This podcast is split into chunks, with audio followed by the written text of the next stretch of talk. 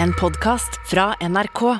De nyeste episodene hører du først i appen NRK Radio.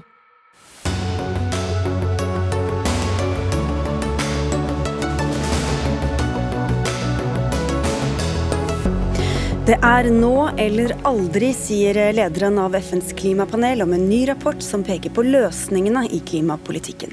Det er langt mellom det vi sier vi skal gjøre og det vi faktisk gjør, slår klimaminister Espen Barth Eide fast. Joe Biden vil ha Putin stilt for retten for krigsforbrytelser. Kan bildene av drepte sivile på Ukrainas gater bli et vendepunkt i krigen? Flere nordmenn er blitt positive til å kjøpe private helsetjenester. Regjeringa svarer med å stramme inn. Og mye oppmerksomhet om symptomer kan være dårlig for helsa, sier leger, som råder pasienter med long covid til å ikke kjenne så altfor godt etter. Det opprører både pasienter og psykologer. Vel møtt til Dagsnytt 18 i studio Sigrid Solund. Skammens dokument, sånn omtaler FNs generalsekretær den nye klimarapporten som ble lagt fram nå i ettermiddag. I rapporten kommer det fram at verden fremdeles er langt unna å nå målene om å begrense den globale oppvarmingen til 1,5 til 2 grader. Får vi ikke til å snu trenden de neste tre årene, er det for sent å nå klimamålene som verdens land er blitt enige om. Elin Lerum Boasson, du er forsker ved CICERO og professor ved Universitetet i Oslo, en av hovedforfatterne bak denne rapporten. Den første og den andre delen tok for seg eh, det vitenskapelige grunnlaget for klimaendringene, hvordan de slår ut og hvordan menneskeheten må tilpasse seg. Og denne delen tar altså for seg løsningene, så det er ikke for seint. Det er ikke for sent. Og selv om vi har dårlig tid, så har det aldri vært så mange land som har gjort så mye for å få ned utslippene. Og nå er det knapt altså De aller fleste land i verden har en ganske oppfattende klimapolitikk. De har eh, klimamål, og vi vet at politikken virker. Vi vet at utslippene hadde vært enda høyere hadde det ikke vært uh, for at mye skjer. Men nok skjer ikke, og det går Men ikke fort. nok skjer ikke. Uh, så det er absolutt uh, også en advarsel her. men jeg syns det er et poeng å peke på det positive. For det er mye som virker. Det virker å sette en pris på TO2, det virker å støtte fornybar energi, det virker å regulere for å få mer energieffektivisering. Men vi må også antageligvis drive med karbonfangst og -lagring, og det er et helt spekter av ting som må til for å nå klimaproblemet. Ja, for Dette skal jo danne grunnlaget for hva politikerne skal sette seg ned og gjøre når de skal eh, lage eller videreutvikle klimapolitikken. Og Hvilke grep viser da forskningen at faktisk får effekt nasjonalt? Altså Forskningen viser at Tidligere så har jo de fleste av disse rapportene sagt nå er det pris på CO2 som er viktig. Og det sier vi fremdeles. Eh, men vi sier også at eh, man må tenke mer strukturelt. Man må styrke miljøvernforvaltningen. Man må kanskje sette ned klimakomiteer, sørge for at eh, det er ting som gjør at klimapolitikk hele tiden kommer opp. At det ikke bare er avhengig av flinke og unike politikere og byråkrater, men det må være et system på det. Men samtidig som viser det, forskningen også at uansett hvor sterke motkrefter det er, så kan små grupper få til store ting. For Hvor viktig er det at virkemidlene så å si snakker med hverandre og ikke motvirker hverandre, og at det er et system i bånn som alle forholder seg til? Ja, Det er superviktig. Eh, så man må eh, ha Eh, ordentlige rutiner. Og vi ser at de, Nå er det over 20 land som har klimakomiteer, som sørger for at landene jevnlig får en evaluering av hvordan klimapolitikken går. Og nå er det jo sånn at altså, vi konkluderer jo med at Parisavtalen ser ut til å virke. Det er i hvert fall noen tegn på det. At det er sånn at landene konkurrerer med hverandre. Men det er på det nasjonale nivået at ting må skje, og på det kommunale nivået også. Ja, fordi Vi vet jo at det er mange interesser som står mot hverandre i mange av disse sakene. Kommunene vil gjerne bestemme mest mulig selv, og så er det noen ganger næringslivsinteresser som står mot natur- og klimainteresser. og Hvordan skal man sørge for at det faktisk er også klimainteresser som som veier tyngst, eller som får gjennomslag? Ja, altså, da må jo politikerne ikke, altså Man må tenke på utslippsreduksjoner, men man må også tenke på uh, virkemidler som et, endrer maktforholdene i samfunnet. Så Man må jo tenke på virkemidler som får frem uh, aktører som tjener på klimaomstillingen. Og Så er det jo også viktig å få med folk flest. Og Der er det mer sånn at vi peker på at det må man tenke på. Men i og med at det er jo ingen land som har kommet ned i null ennå. Så det, vi vet jo ikke helt hvordan skal man få til dette her med å stramme inn og å gjøre klimapolitikk eh, populært. Så her er det jo òg mer forskning som trengs. I Norge så dreier disse debattene seg fort inn på olje- og gassproduksjon. Hva sier rapporten om hvor mye vi kan egentlig hente opp av kull, gass og olje framover? Altså, denne rapporten sier jo det mange rapporter fra Klimapanelet har sagt, at uh, nå er det altså, kull må vi slutte med, og olje må vi nesten helt slutte med. Uh, og at vi har uh, bygget ut for mye infrastruktur for disse tingene enn det vi trenger. Men det er jo viktig å påpeke altså, i Norge må politikere og NGO-er og miljøbevegelsen og industrien må ta dette dokumentet og lese i hvert fall mer enn bare sammendraget. Eh, og tolke det ja, ut fra det de vil. For dette, eh, vi har ikke lov i Klimapanelet å evaluere enkeltland sin klimapolitikk. Nei, så det sant. gjør vi ikke. Da setter vi over til eh, politikerne. da. Klima- og miljøminister Espen Barth Eide, vi har visst om problemene i mange tiår. Vi går i søvne mot en klimakatastrofe, sier FNs generalsekretær Antonio Guterres. Hva slags tro har du på at dette kan gå? For det første har jeg lyst til å understreke at det er akkurat så alvorlig som vi nettopp hørte. Det, vi har veldig lite tid igjen på å snu, og konsekvensene av ikke gjøre det er eksistensielle. Altså, det dreier seg om liksom, det går an å ha leve, levelig liv på kloden. altså Så alvorlig er det. Men så har jeg lyst til å si at Det er jo et veldig viktig poeng i denne rapporten at samtidig som vi har dårlig tid, så ser man at klimapolitikk virker. Man ser at mange av de teknologiene som skal erstatte det fossile, altså batterier, solceller, eh, vind, i det hele tatt alle de løsningene som erstatter den gamle fossile og bruk- og kastverden, de er, de er blitt billigere og billigere. altså De er blitt radikalt mye billigere. Så, vi, så vi, Den sier at veldig mange av de tiltakene man skal få til, de har en tiltakskost som vi sier, som ikke er spesielt mye høyere enn CO2-prisen. Så, sånn sett så går det altså i riktig retning når det gjelder teknologiomstillingen i verden. Næringslivet er jo veldig på, ofte i front av oss politikere for helt ærlig, i forhold til hvor de vil hen. Eh, men, men, det, men problemet er ikke retningen, men det er at det går for seint. At vi må få farten, vi må gjøre ting raskere. og Da går det jo nettopp på at du må ha virkemidler hvor du må bruke hele samfunnets verktøykasse strategisk for å erstatte fossil med fornybar der du kan, for å erstatte bruk og kast med sirkulær der du kan, og for å ta mye bedre vare på naturen. For det billigste klimatiltaket det er å bevare og restaurere natur, og det sier også rapporten veldig tydelig. Og så sier rapporten at det er en del land som får det til, og så er det sånn at i Norge så har utslippene nesten stått på stedet hvil de siste tiårene. Une Bastholm, du er leder i Miljøpartiet De Grønne. Hva mener du må bli følgende av denne rapporten? Hvis jeg hadde vært eh, klima- og miljøminister nå, så hadde jeg brukt all min tid på to ting. Det ene er å få det her inn i et system. Så regjeringa må legge fram en klimaplan som er oppdatert til de målene eh, de har sagt at de skal få til i Norge. og Det er jo 55 kutt innen 2030. Det er for øvrig altfor lavt. Norge bør heve vårt ambisjonsnivå for klimapolitikken.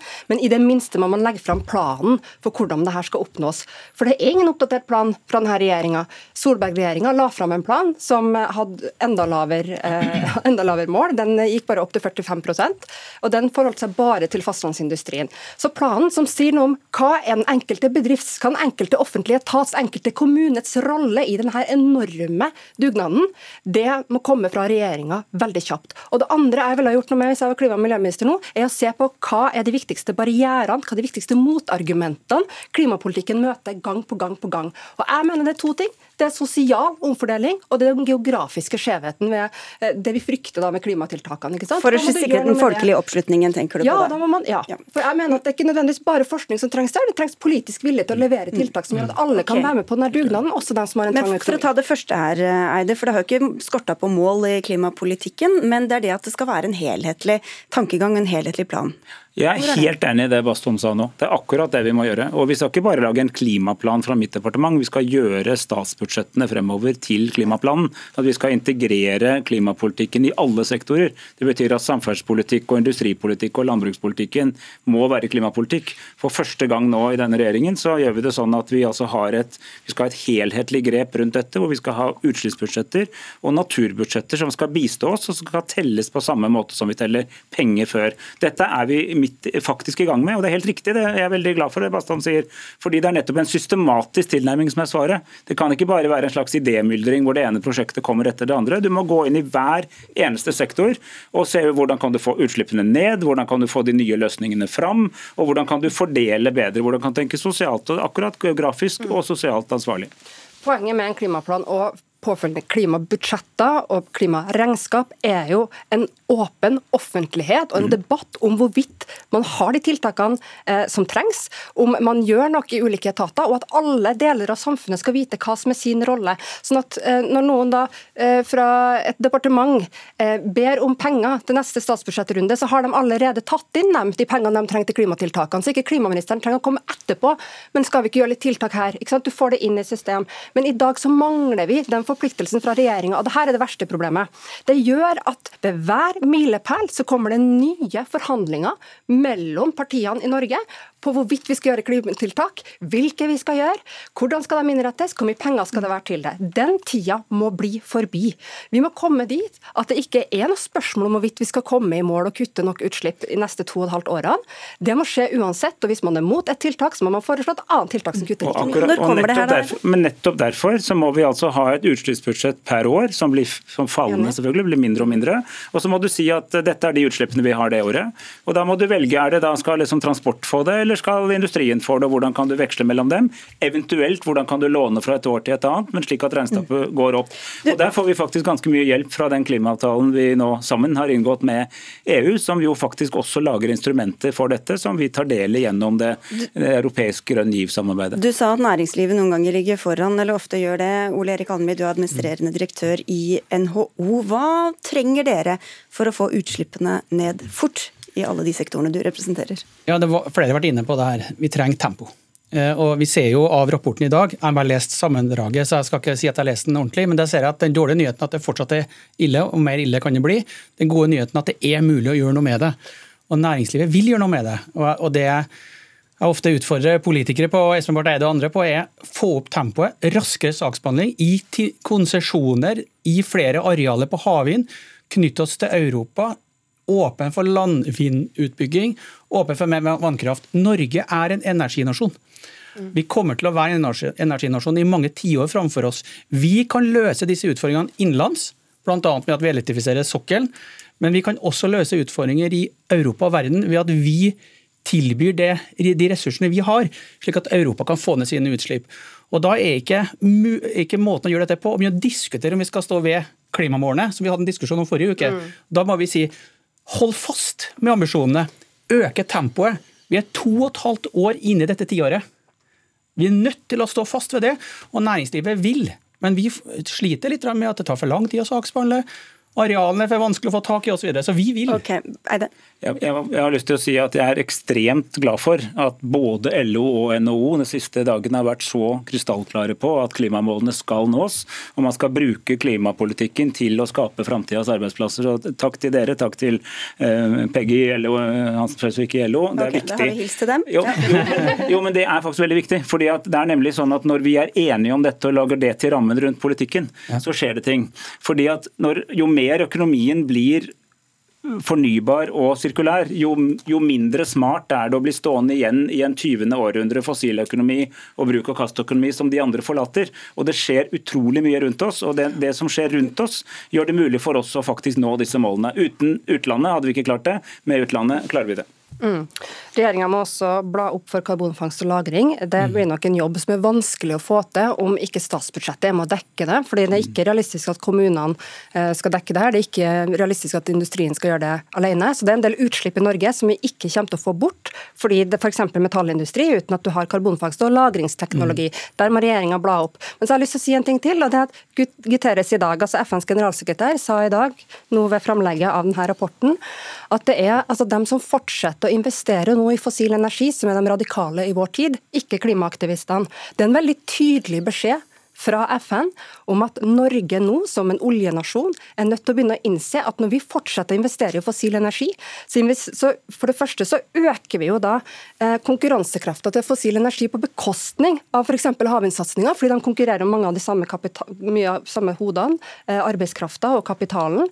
Men vi er også med på å sende eh, et klimaregnskap fram i tid til våre barn, som vi ikke kan stå ved. Det er jo sånn, ja, men ta det fordi Tida går så fort her, Eide, at det er de samme hodene og av den samme kapitalen altså som skal egentlig få oss over i det grønne skiftet, som blir bundet opp i olje- og gassektoren. Hvordan henger det på greip? Derfor er det viktig at vi gjør alvor av det vi har sagt, nemlig at vi skal bygge en bro, slik at f.eks. den leverandørindustrien som oljealderen skapte, kan stå i front når vi bygger havvind og karbonfangst og grønn skipsfart. Og Det er helt riktig, det går ikke av seg selv. Da må vi strategisk styre for at det er den den foten som nå går fremover, og at vi løfter opp det. Men, og Nå kommer vi med en energimelding da, om kort tid eh, som nettopp drøfter Den får vi diskutere, men den skal jo nettopp forsøke å reflektere hva gjør energinasjonen Norge, altså fornybar- og fossilnasjonen, i en verden som skal kraftig omstille seg på ganske få år. Hva gjør man da? Men, og Der kommer min utmerkede kollega Terje Aasland til å sitte mange ganger i dette studio og fortelle hva den går ut på. Det er ikke lenge til den kommer. Nei, han er hjertelig velkommen. Men, men Anneli, du representerer jo både de næringene som vil skal skal vi si, før oss over i framtida, og den mm. store og mektige olje- og gassnæringa. Mm. Det må jo være en viss eh, skal vi si, spenning mellom disse innad hos deres medlemsbedrifter også? Statsråden viser her til hvordan LO og NO hadde en plattform presentert i fjor, hvor vi faktisk har klart å forene dette veldig godt. Og For å ta et eksempel som også pastoren var inne på, får vi CCS opp og gå ordentlig, så klarer vi å leve av gass i mange tiår framover. Først med at det er naturgassen som trengs bl.a. for sikkerheten i Europa, men etter hvert også som blått utslippsfritt hydrogen. Så her er det mulighet til å ha to tanker i hodet mm. samtidig. men, men er det ikke, altså Vi snakker jo også om en teknologi nå som skal klare å fange ja. altså CO2 opp fra lufta. Er det ikke bedre å la være å pumpe det ut dit i utgangspunktet? Men vi kommer til å trenge det. Vi har sett det veldig godt nå i vinter, hvor viktig det er også med hvem det er som produserer denne olje og gassen. Det har vi sett nå i forhold til Det vil vel alle land si, at det er alle gode grunner til at akkurat vi skal gjøre dette. Ja, men Vi ser jo veldig godt nå hvordan Europa tyr til Norge for å sikre hvordan naturgass kan være med på å ha en god energimiks i Europa. Men vi må ha CCS-en på toppen av det, slik at vi har blått utslippsfritt hydrogen. og Det kommer vi til å få. Derfor er jeg veldig spent eh, på den meldingen vi får nå forhåpentligvis på fredag. Så får vi se hvordan man også da legger til rette for at man skal både ha det ene og andre. Men stå fast ved klimamålene. Det er det aller viktigste nå. Mm. Bare, jeg, jeg, frykter litt også at vi den gangen her har kommet inn i en klimadebatt hvor vi ikke snakker om hvordan det angår folk. og jeg tror Den folkelige oppslutninga som, som, vi begynte litt med, er utrolig viktig nå. Eh, klimaministeren må vite at du har det norske folk bak deg. Vi er mange som heier på deg når du står og eh, fremmer tøffe krav, eh, om det er til næringsliv eller oss alle sammen som kan gjøre endringer i hverdagen vår. Men da er en konkret oppfordring til meg er å se etter tiltak, og det kan være støtteordninger f.eks., som gjør det mye lettere for familier med trang økonomi å delta i dette skiftet. Mm. Kom med leasingstøtte til elbil for familier som trenger det. Eh, kom med spare, eh, skikkelig støtteordninger for bygge energisparing. Bygge ladestasjoner over hele landet. Her er dere helt eh, enige, ser og dere skal løpe av gårde fordi dere skal ned på en pressekonferanse for å presentere akkurat det samme som vi nå har diskutert. Så vi sier tusen takk for at dere tok oss først, alle sammen. Elin Lerum Boasson, som er forsker også i denne rapporten til deg, Espen Barth Eide, klima- og miljøminister, Rune Baston, leder i Miljøpartiet De Grønne, og direktør i NHO, Ole Erik Almli.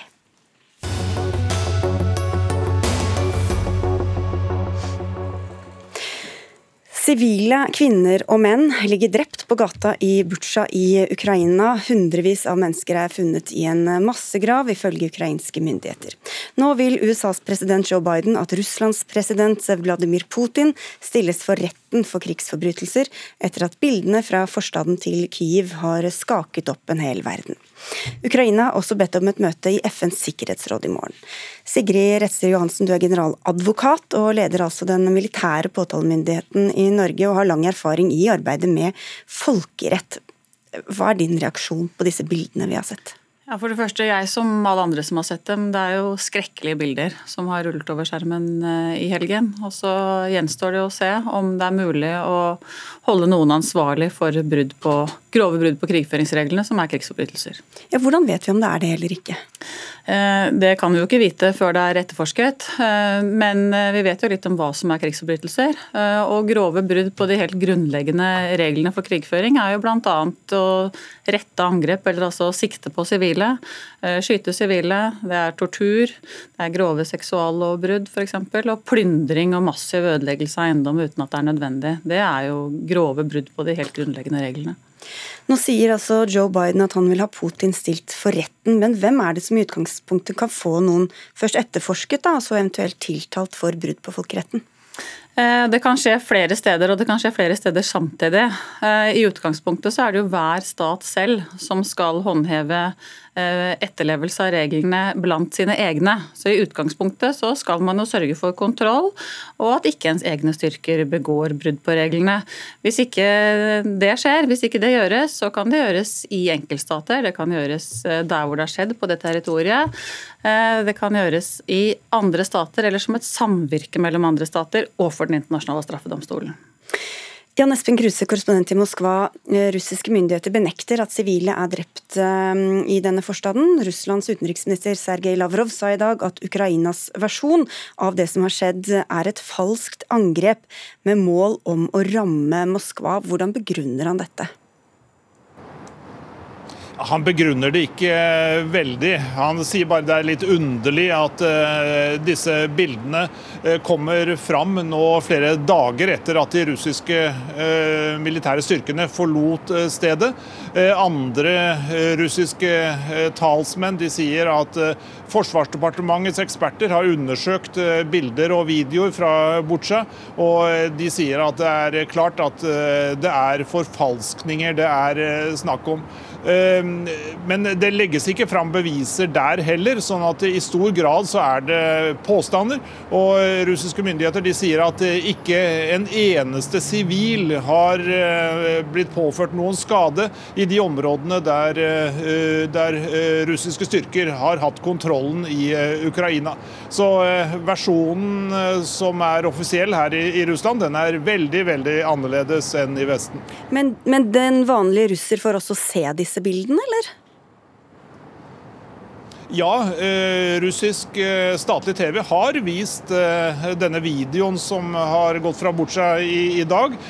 Men det legges ikke fram noen tall, og det sies i kommentarene hele veien at det er falske videoer, falske bilder det er snakk om. Sånn at man ikke må la seg lure. Det er det russerne får høre om disse, disse bildene og det som har skjedd i, i, i Butsja.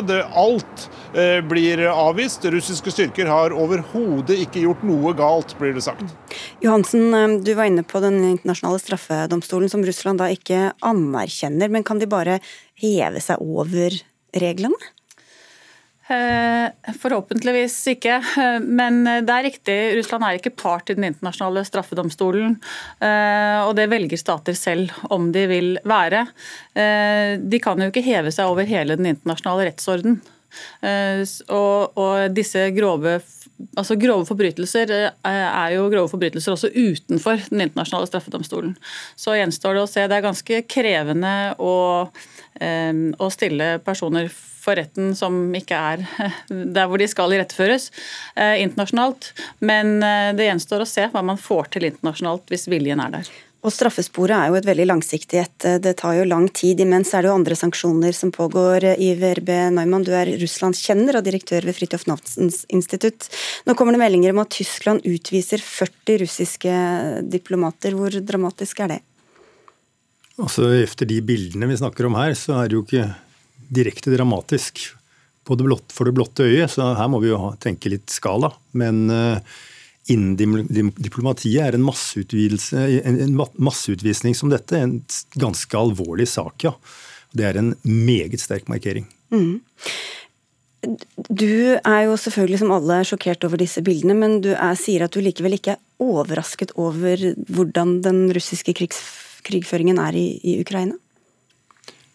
Nei, og dette kan være vanskelig å snakke om. Men uh, la oss begynne med den historiske linjen, da. Under den annen verdenskrig så forsvant eh, flere titusener polske offiserer. og Det viste seg at eh, Stalin eh, rett og slett hadde utryddet dem som klasse. Etter annen verdenskrig så sto det jo sovjetiske styrker i Jugoslavia.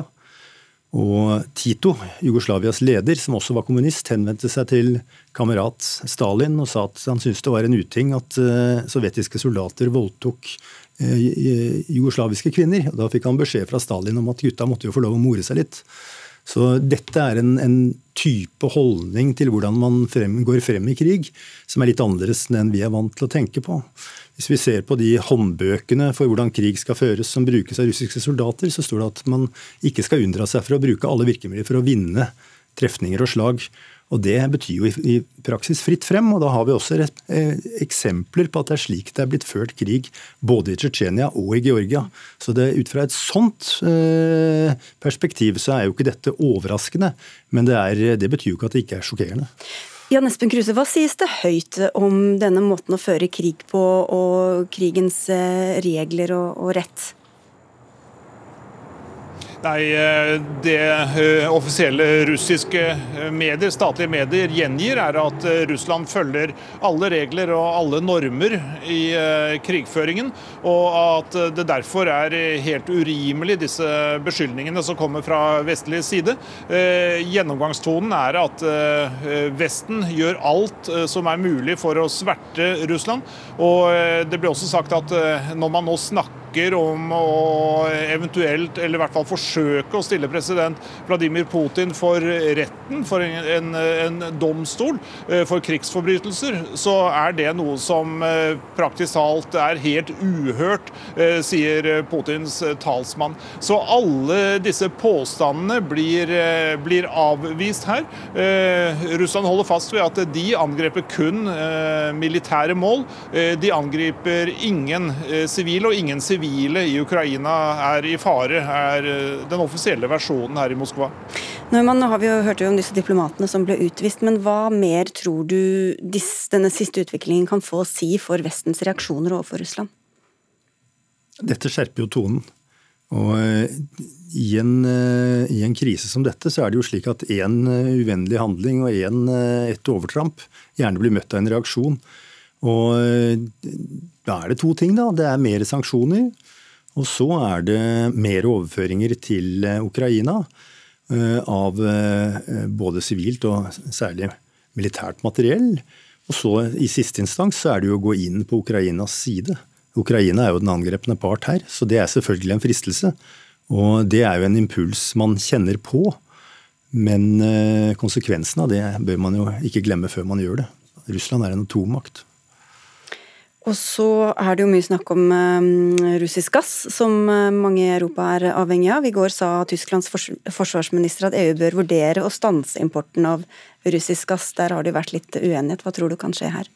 Ja, det er superinteressant at tyskerne går dit. Uh, det aller største skiftet i europeisk sikkerhetspolitikk som er kommet som reaksjon på Russlands angrepskrig, er jo at Tyskland har lagt til side eh, forsøkene på å berolige Russland, og vært veldig sterke på å, å stå opp mot det. og Nå bekreftes dette altså enda mer. Hvis det blir mindre gassinnførsel fra Russland, så skal vi ikke se bort fra følgende. Da blir det tøft for de fleste europeere. Det blir kaldt, og det blir vanskelig å få tak i energi. Og det kommer igjen til å føre til splittelser innad i EU, så det blir vanskeligere å holde fronten mot Russland.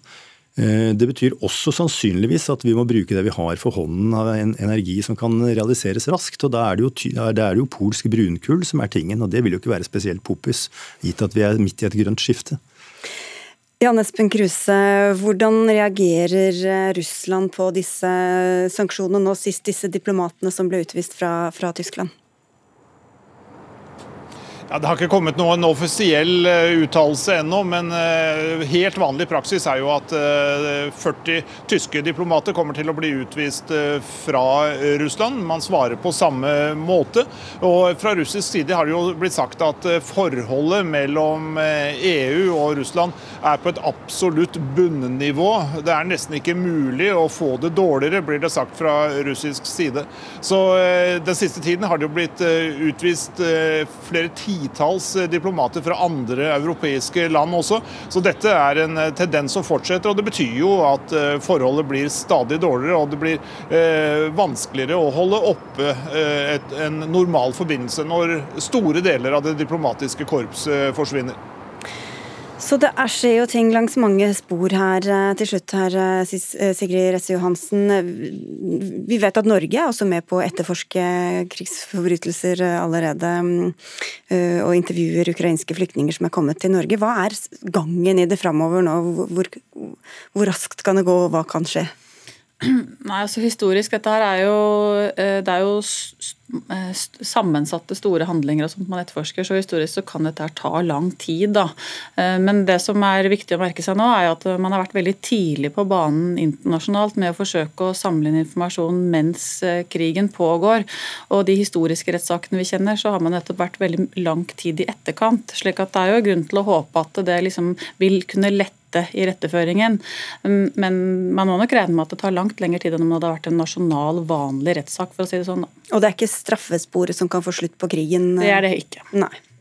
Takk skal dere ha alle tre for at dere var med i Dagsnytt 18. Sigrid Resse Johansen som er generaladvokat, Iver B. Neumann fra Fridtjof Nansens institutt og Regen Espen Kruse i Moskva.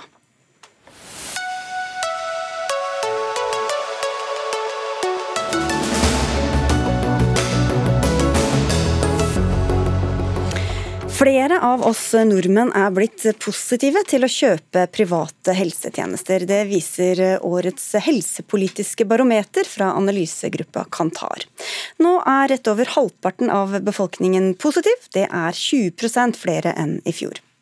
Cecilie Myrseth fra Arbeiderpartiet, du er nestleder i helse- og omsorgskomiteen på Stortinget. Nordmenn blir altså mer positive, og dere går stikk motsatt vei og vil ha mindre privatisering. Hvorfor det? Ja, altså jeg tenker at eh, jeg tror for folk flest så er det ikke så er man ikke veldig bevisst på eller tenker veldig mye på hvem man får behandling av. Det er viktig at du får riktig behandling når du trenger det.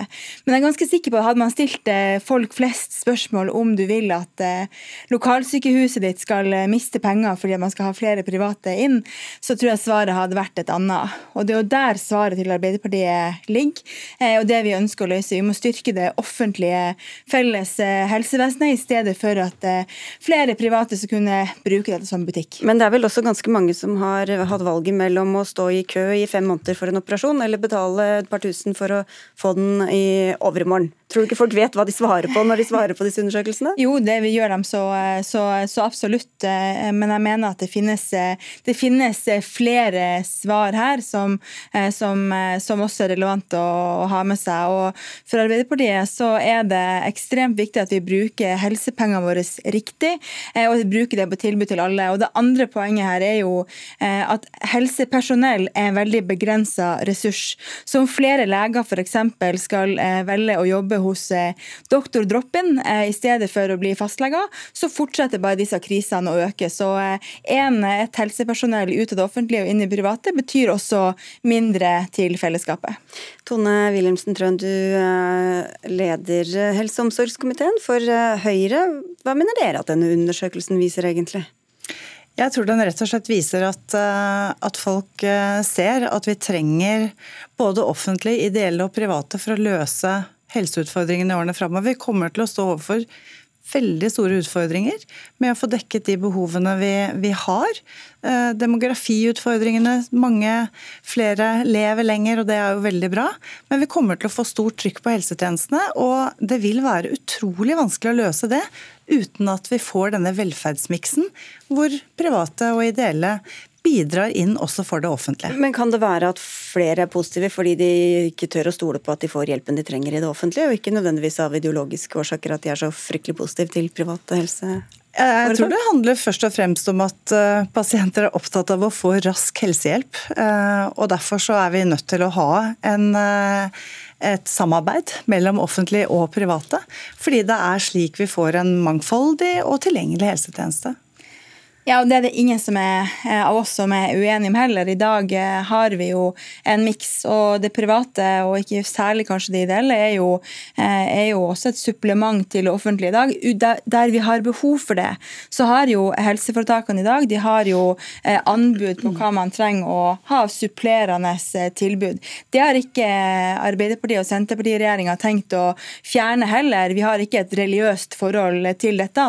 Men det handler om at de som er i, eh, i dette kun for å eh, sko seg på det, eh, det sier vi nå nei til. Høyreregjeringa innførte jo bl.a. en reform av veldig ideologiske grunner, hvor man egentlig sa at nå får de, får de private en fri rett til å etablere seg på offentlige sin regning, som igjen lokalsykehusene må betale for. Det mener vi er feil bruk av pengene, feil bruk av helsepersonell. Men Så du snakker om at folk skor seg på det. altså så Dere mener at hvis noen har noen motiver som dere mener er å sko seg eller å tjene penger, så skal det må være førende for hva slags helsetilbud som befolkningen skal ha? Nei, det vi mener, mener, er at vi skal styrke det offentlige helsetjenesten til alle.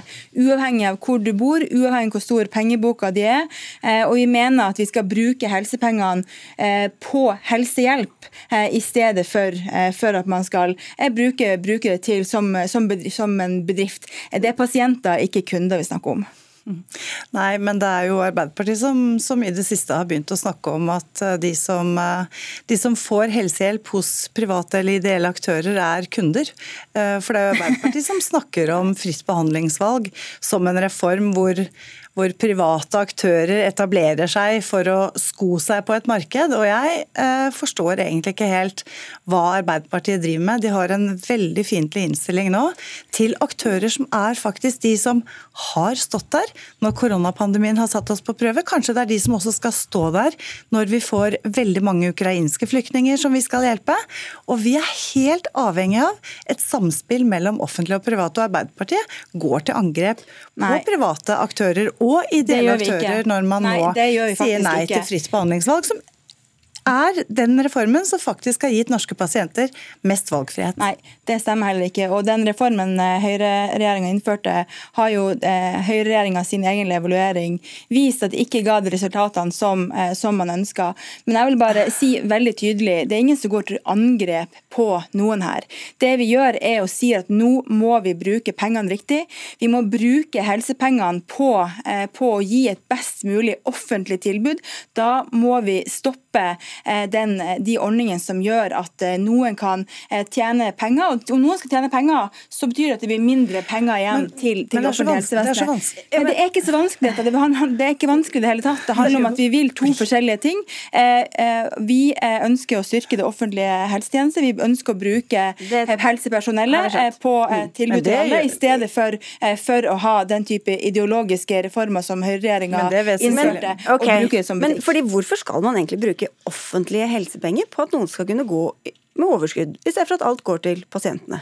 Ja, Det er jo en viss eh, forskjell på å drive et privat, eh, en privat og være privat aktør. Altså Man har jo et stort arbeidsgiveransvar. Det vil jo være veldig vanskelig å drive som en eh, rusinstitusjon f.eks., som et AS, og skulle gå med underskudd hvert år. Hvordan skal man sikre et godt tilbud da? Altså, denne veldig ideologiske eh, fiendtligheten fra, fra, Arbeiderpartiet og Senterpartiet og SV når det gjelder overskudd i privat helse, forstår jeg egentlig ingenting av. Det viktigste er jo at vi sikrer at vi har aktører som kan bidra til at vi har et mangfoldig Eh, mm, helsetjeneste men, men pasientene Jo, det er viktig. Det viktigste er at pasientene får det tilbudet de trenger. Et øyeblikk, et øyeblikk det for Hvis det er sånn som vi vet, altså private overtar mange skal vi si, av de lettere oppgavene, mens det offentlige blir stående igjen med tyngre oppgaver som ikke de kan tjene penger på i det private helsevesenet. Hvordan kan du da si at det ene ikke går utover det andre? Ja, jeg vet ikke om vi kan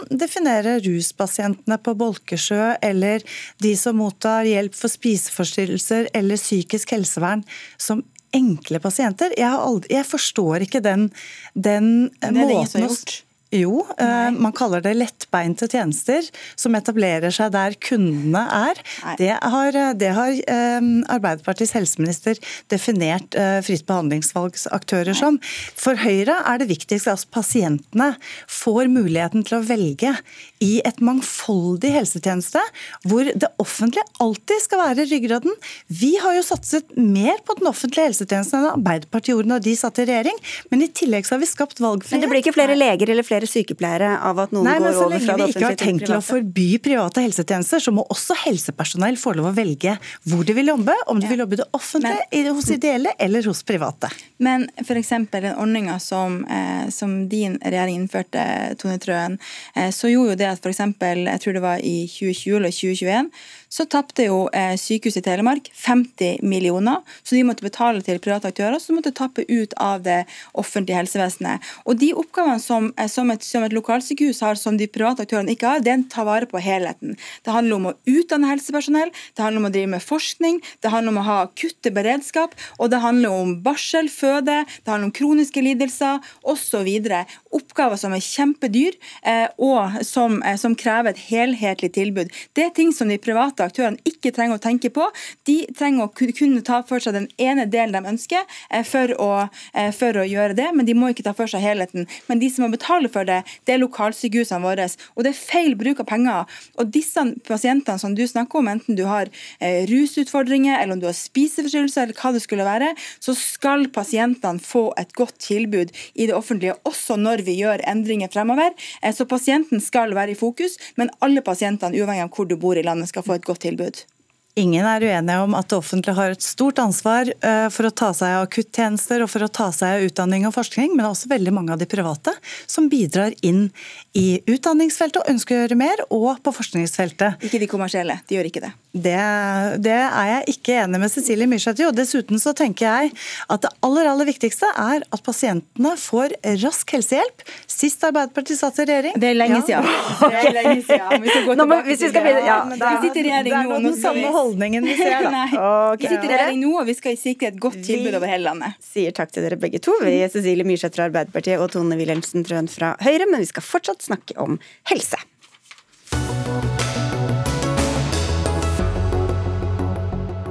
Sliter du med senvirkninger etter en eh, covid-19-infeksjon?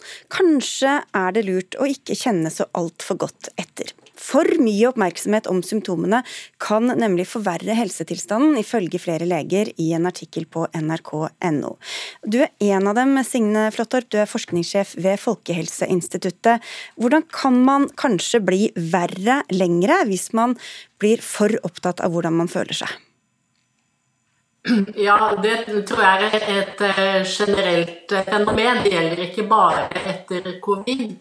Eh, at hvis man er engstelig, bekymret og veldig opptatt av symptomer, så kan det forverre plagene. Og det er jo sånn at heldigvis så blir de fleste som kanskje har det litt etter å ha gjennomgått korona, de blir kvitt plagene. Så jeg har lyst til å si eh, senfølger etter covid-19, som vi gjerne kaller det. Eh, det Etter WHOs definisjon det kaller man det først når det er gått tre måneder etter akuttilstand. tilstand. og Det kan være mange forskjellige ting. altså Virus- og akuttsykdommen de angriper ulike organer. og Noen får jo lungeskader, kan få hjertebetennelse. Eh, og det eh, er jo kroppslige ting, men eh, det vi snakker om nå, tenker jeg, det er mer det som også rammer en, del, en god del som har hatt milde og private symptomer, nemlig at man blir utmattet, føler at man har konsentrasjonsvansker, såkalt hjernetåke, eller har smerter, kanskje pustevansker. Og den type ting, man, altså Vi har jo sett at en del bekymrer seg for det allerede nær sagt før man har gjennomgått korona. Eh, og hvis man har forventninger om at dette kan gi langvarige plager, eh, så har vi eh, både sett erfaringer og kjenner eksempler på det. Og etter hvert så kommer det nok også forskning vi kjenner til studier som er pågående, som, som ser på sånne typer sammenhenger. Du, det er veldig dårlig linje på det, men jeg håper folk får med seg eh, det du sier, nemlig at hvis man har eh, forventninger om at plagene kan komme etter en, eh, etter en stund, så kan det kanskje bli et slags selvoppfyllende profeti. Det var flere som reagerte etter å ha lest den Dette var ikke direkte sitat, bare for å ha sagt det. Etter å ha lest den artikkelen, blant andre deg, psykolog Sissel Fjelltun. Hva mener du kan være negativt ved å slå dette fast? Jeg tenker at Det er jo ikke så enkelt for pasienter å finne ut hva som er rett nivå av symptomfokus når man får den beskjeden.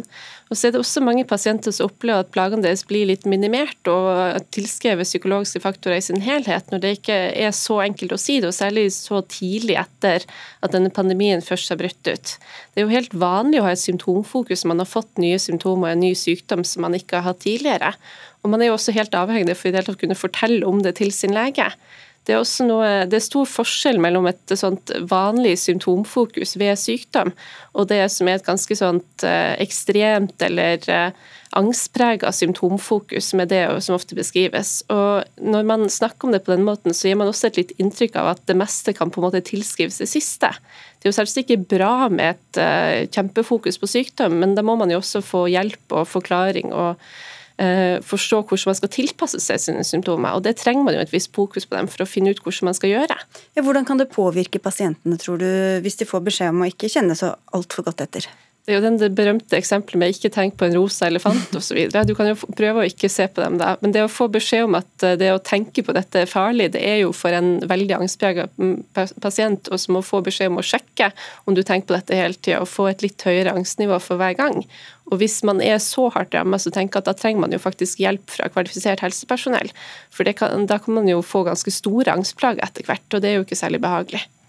Flottorp, vi prøver å få deg eh, med igjen hvis linja er eh, ok. Hvordan, kan det være også at årsak-virkningssammenhengen er den motsatte? Altså at pasienter som blir bedre, ikke kjenner så godt etter lenger fordi de ikke har så mange plager? Det tror jeg er et mindre problem. Jeg, og jeg vil jo gjerne understreke at hvis folk har symptomer, Eh, så må, må, må man ta det på alvor, og pasientene må møtes med empati. og Det er pasientene selv som vet hva de føler. Jeg er helt enig med, med Fjelltun i det. Men hva med faren for å overse alvorlige symptomer, da, hvis man får en sånn holdning om at dette først og fremst sitter i hodet? Altså når det gjelder senfølger etter eh, covid-19 med utmattelse, disse, disse, symptomene, så er det jo så langt ingenting som tyder på at det er noe kroppslig farlig. Eh, det er heller ikke sånn at vi har sagt at dette er rent psykologisk, at det sitter i hodet. Men generelt hvordan vi opplever symptomer, enten det er mentale problemer eller det er reelle kroppslige skader, så er jo det en eh, Det er jo noe som Det sitter i hodet. Eh, så hjernen tolker eh, det som skjer, og det er preget av selvfølgelig både fysiske ting som skjer i kroppen, men det er også preget av våre erfaringer og sammenhengen vi lever i. Og folk har ulik sårbarhet. Men det å tenke at man, at man, risikerer noe ved å ikke kjenne etter om man er utmattet etter korona, det syns jeg er eh, litt eh, Ja, det er, er, jeg tror ikke er noe reelt problem. Fjelltun, de fleste helseplager handler vel både om kropp og om eh, hodet? hodet er jo en del av kroppen, da. Hvordan er dette annerledes, da? Jeg vet ikke om det er så annerledes. Mange som har helt andre sykdommer, veldig anerkjente sykdommer, som f.eks. multiple sklerose, opplever jo fatigue, altså eh, sterk trettbarhet og mye utmattelse, som et av de absolutt mest lammende problemene. Og Det er jo et problem som vi ikke har særlig god behandling for. Men det betyr ikke at man ikke må ta hensyn til det for å ha en ålreit hverdag.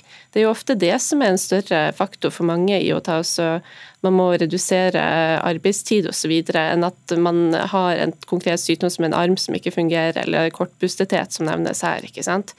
Så det er, jo, det er jo, noe man må eh, legge hverdagen opp etter. og Det har jo også WHO, altså Verdens helseorganisasjon, anbefalt. Da, at man skal tilpasse aktivitet. og Da må man tilpasse etter noe. og Det er jo de symptomene, tenker jeg. Flottorp, du nevnte jo selv at dette gjelder flere andre mm, postvirale sykdommer osv. Det er mange som trekker eh, sammenligninger eh, mellom dette og den eh, nokså betente ME-debatten. Men kan man da risikere at pasienter som ikke blir friske, får en følelse av at det er fordi at de ikke vil det nok, eller at det er deres feil, som ikke er flinke nok til å tenke positivt eller overse symptomene?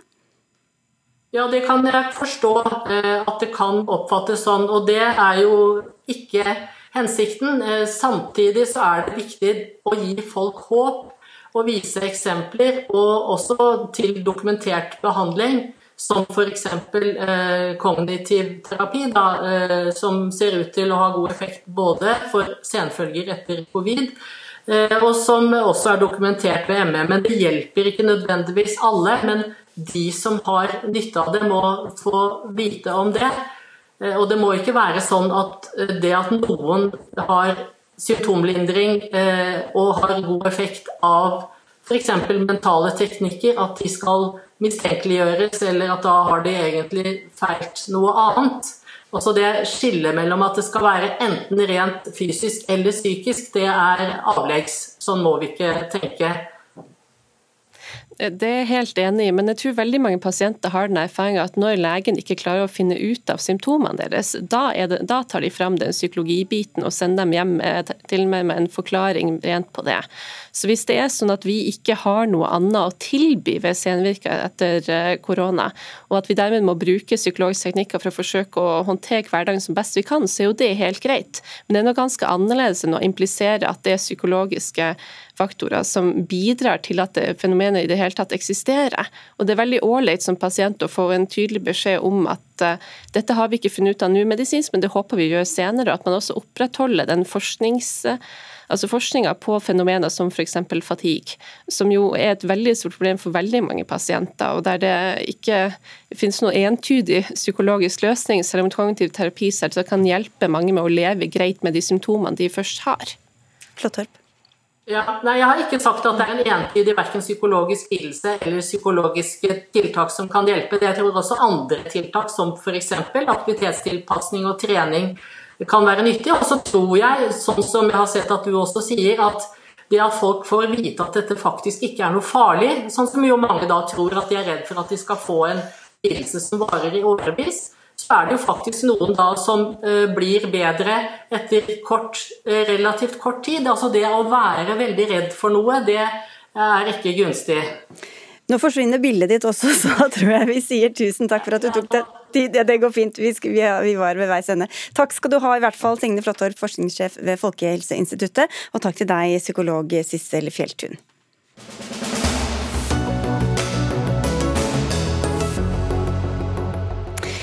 Viktor Orban vant valget i Ungarn klart i helgen. En seier så stor at den kan ses fra månen, ifølge han selv.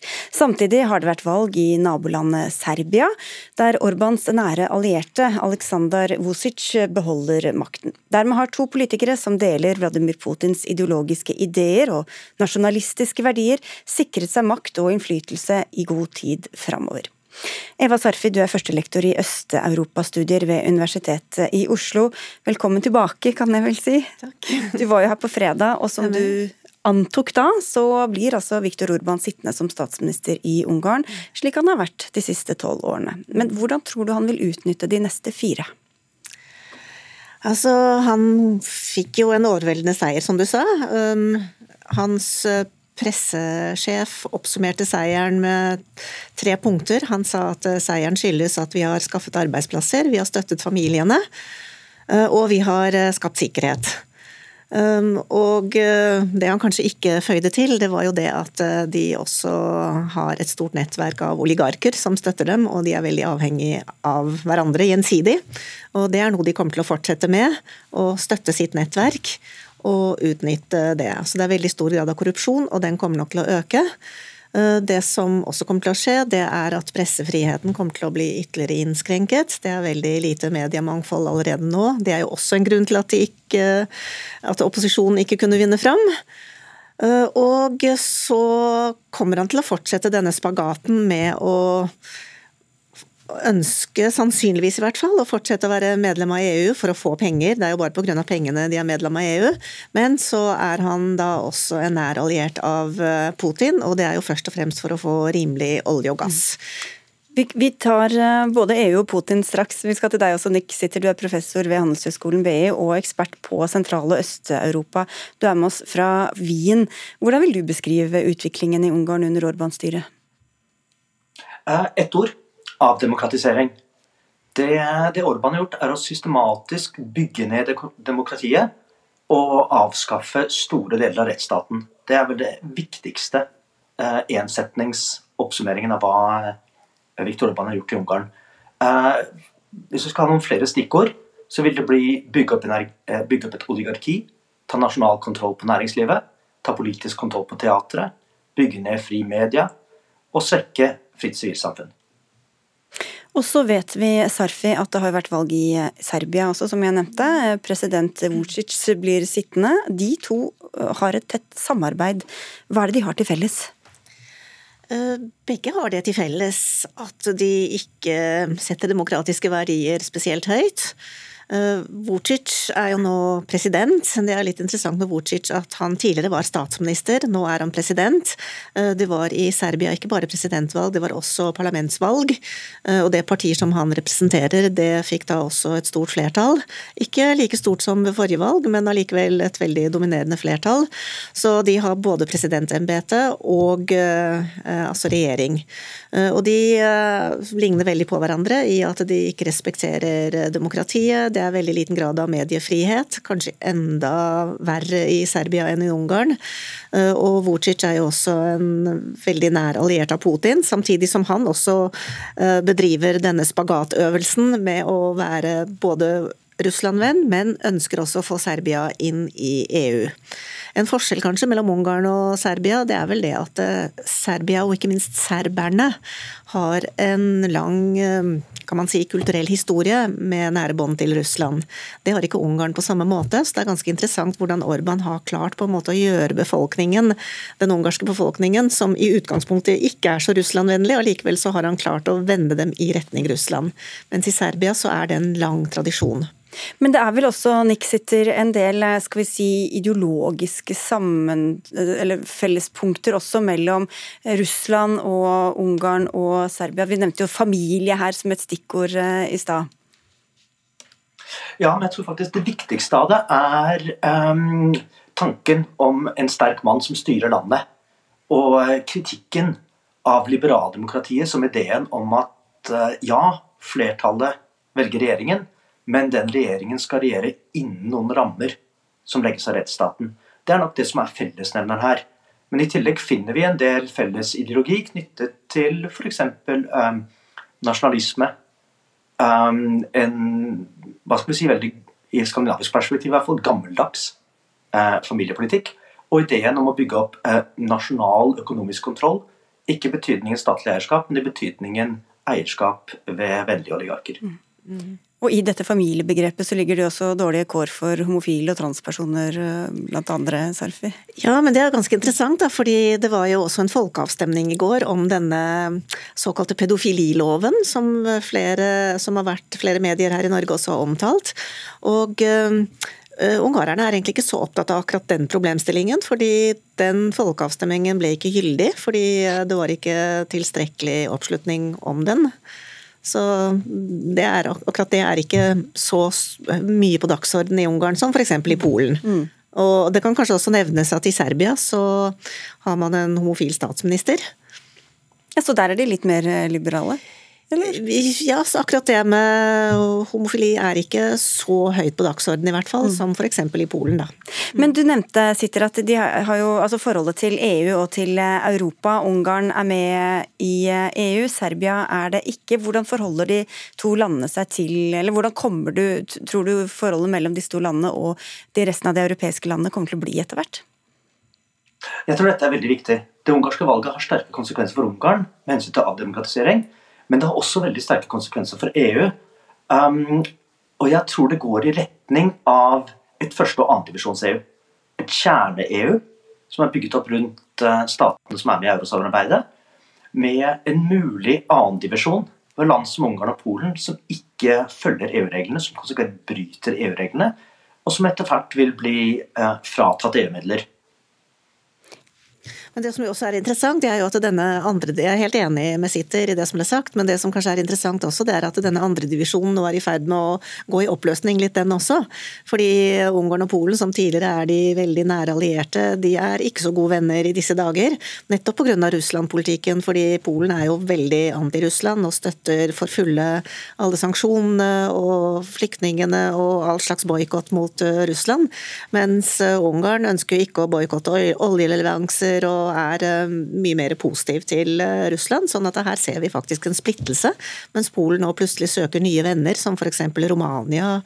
Um, og andre likesinnede. Så um, her ser vi noen interessante nye eh, konstellasjoner, og gamle som går litt i oppløsning. Hvordan kan Putin utnytte disse vennskapene, da?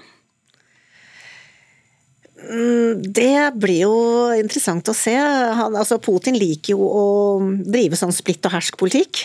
Han liker ikke at, uh, at uh, europeiske stater står sammen. Så det er noe som egentlig han kan utnytte til egen fordel. At det er, eh, at det er enkeltstater som støtter eh, Russland, eh, og at det ikke er en, enten ja, en samlet blokk f.eks. som er imot. Altså han søker enkeltstater som venner, og det kan slå positivt ut. Takk skal dere ha begge to. Eva Sarfi, førstelektor i europastudier ved Universitetet i Oslo, og Nick Sitter, professor og ekspert på sentrale Øst-Asia. For Dagsnytt 18 har ikke mer tid. Det var Gro Arneberg som hadde ansvaret for sendinga. Jens Jørgen Damrud hadde det tekniske ansvaret, og mitt navn er Sigrid Solund.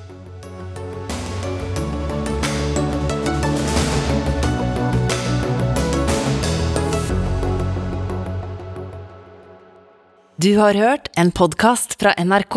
De nyeste episodene hører du først i appen NRK Radio.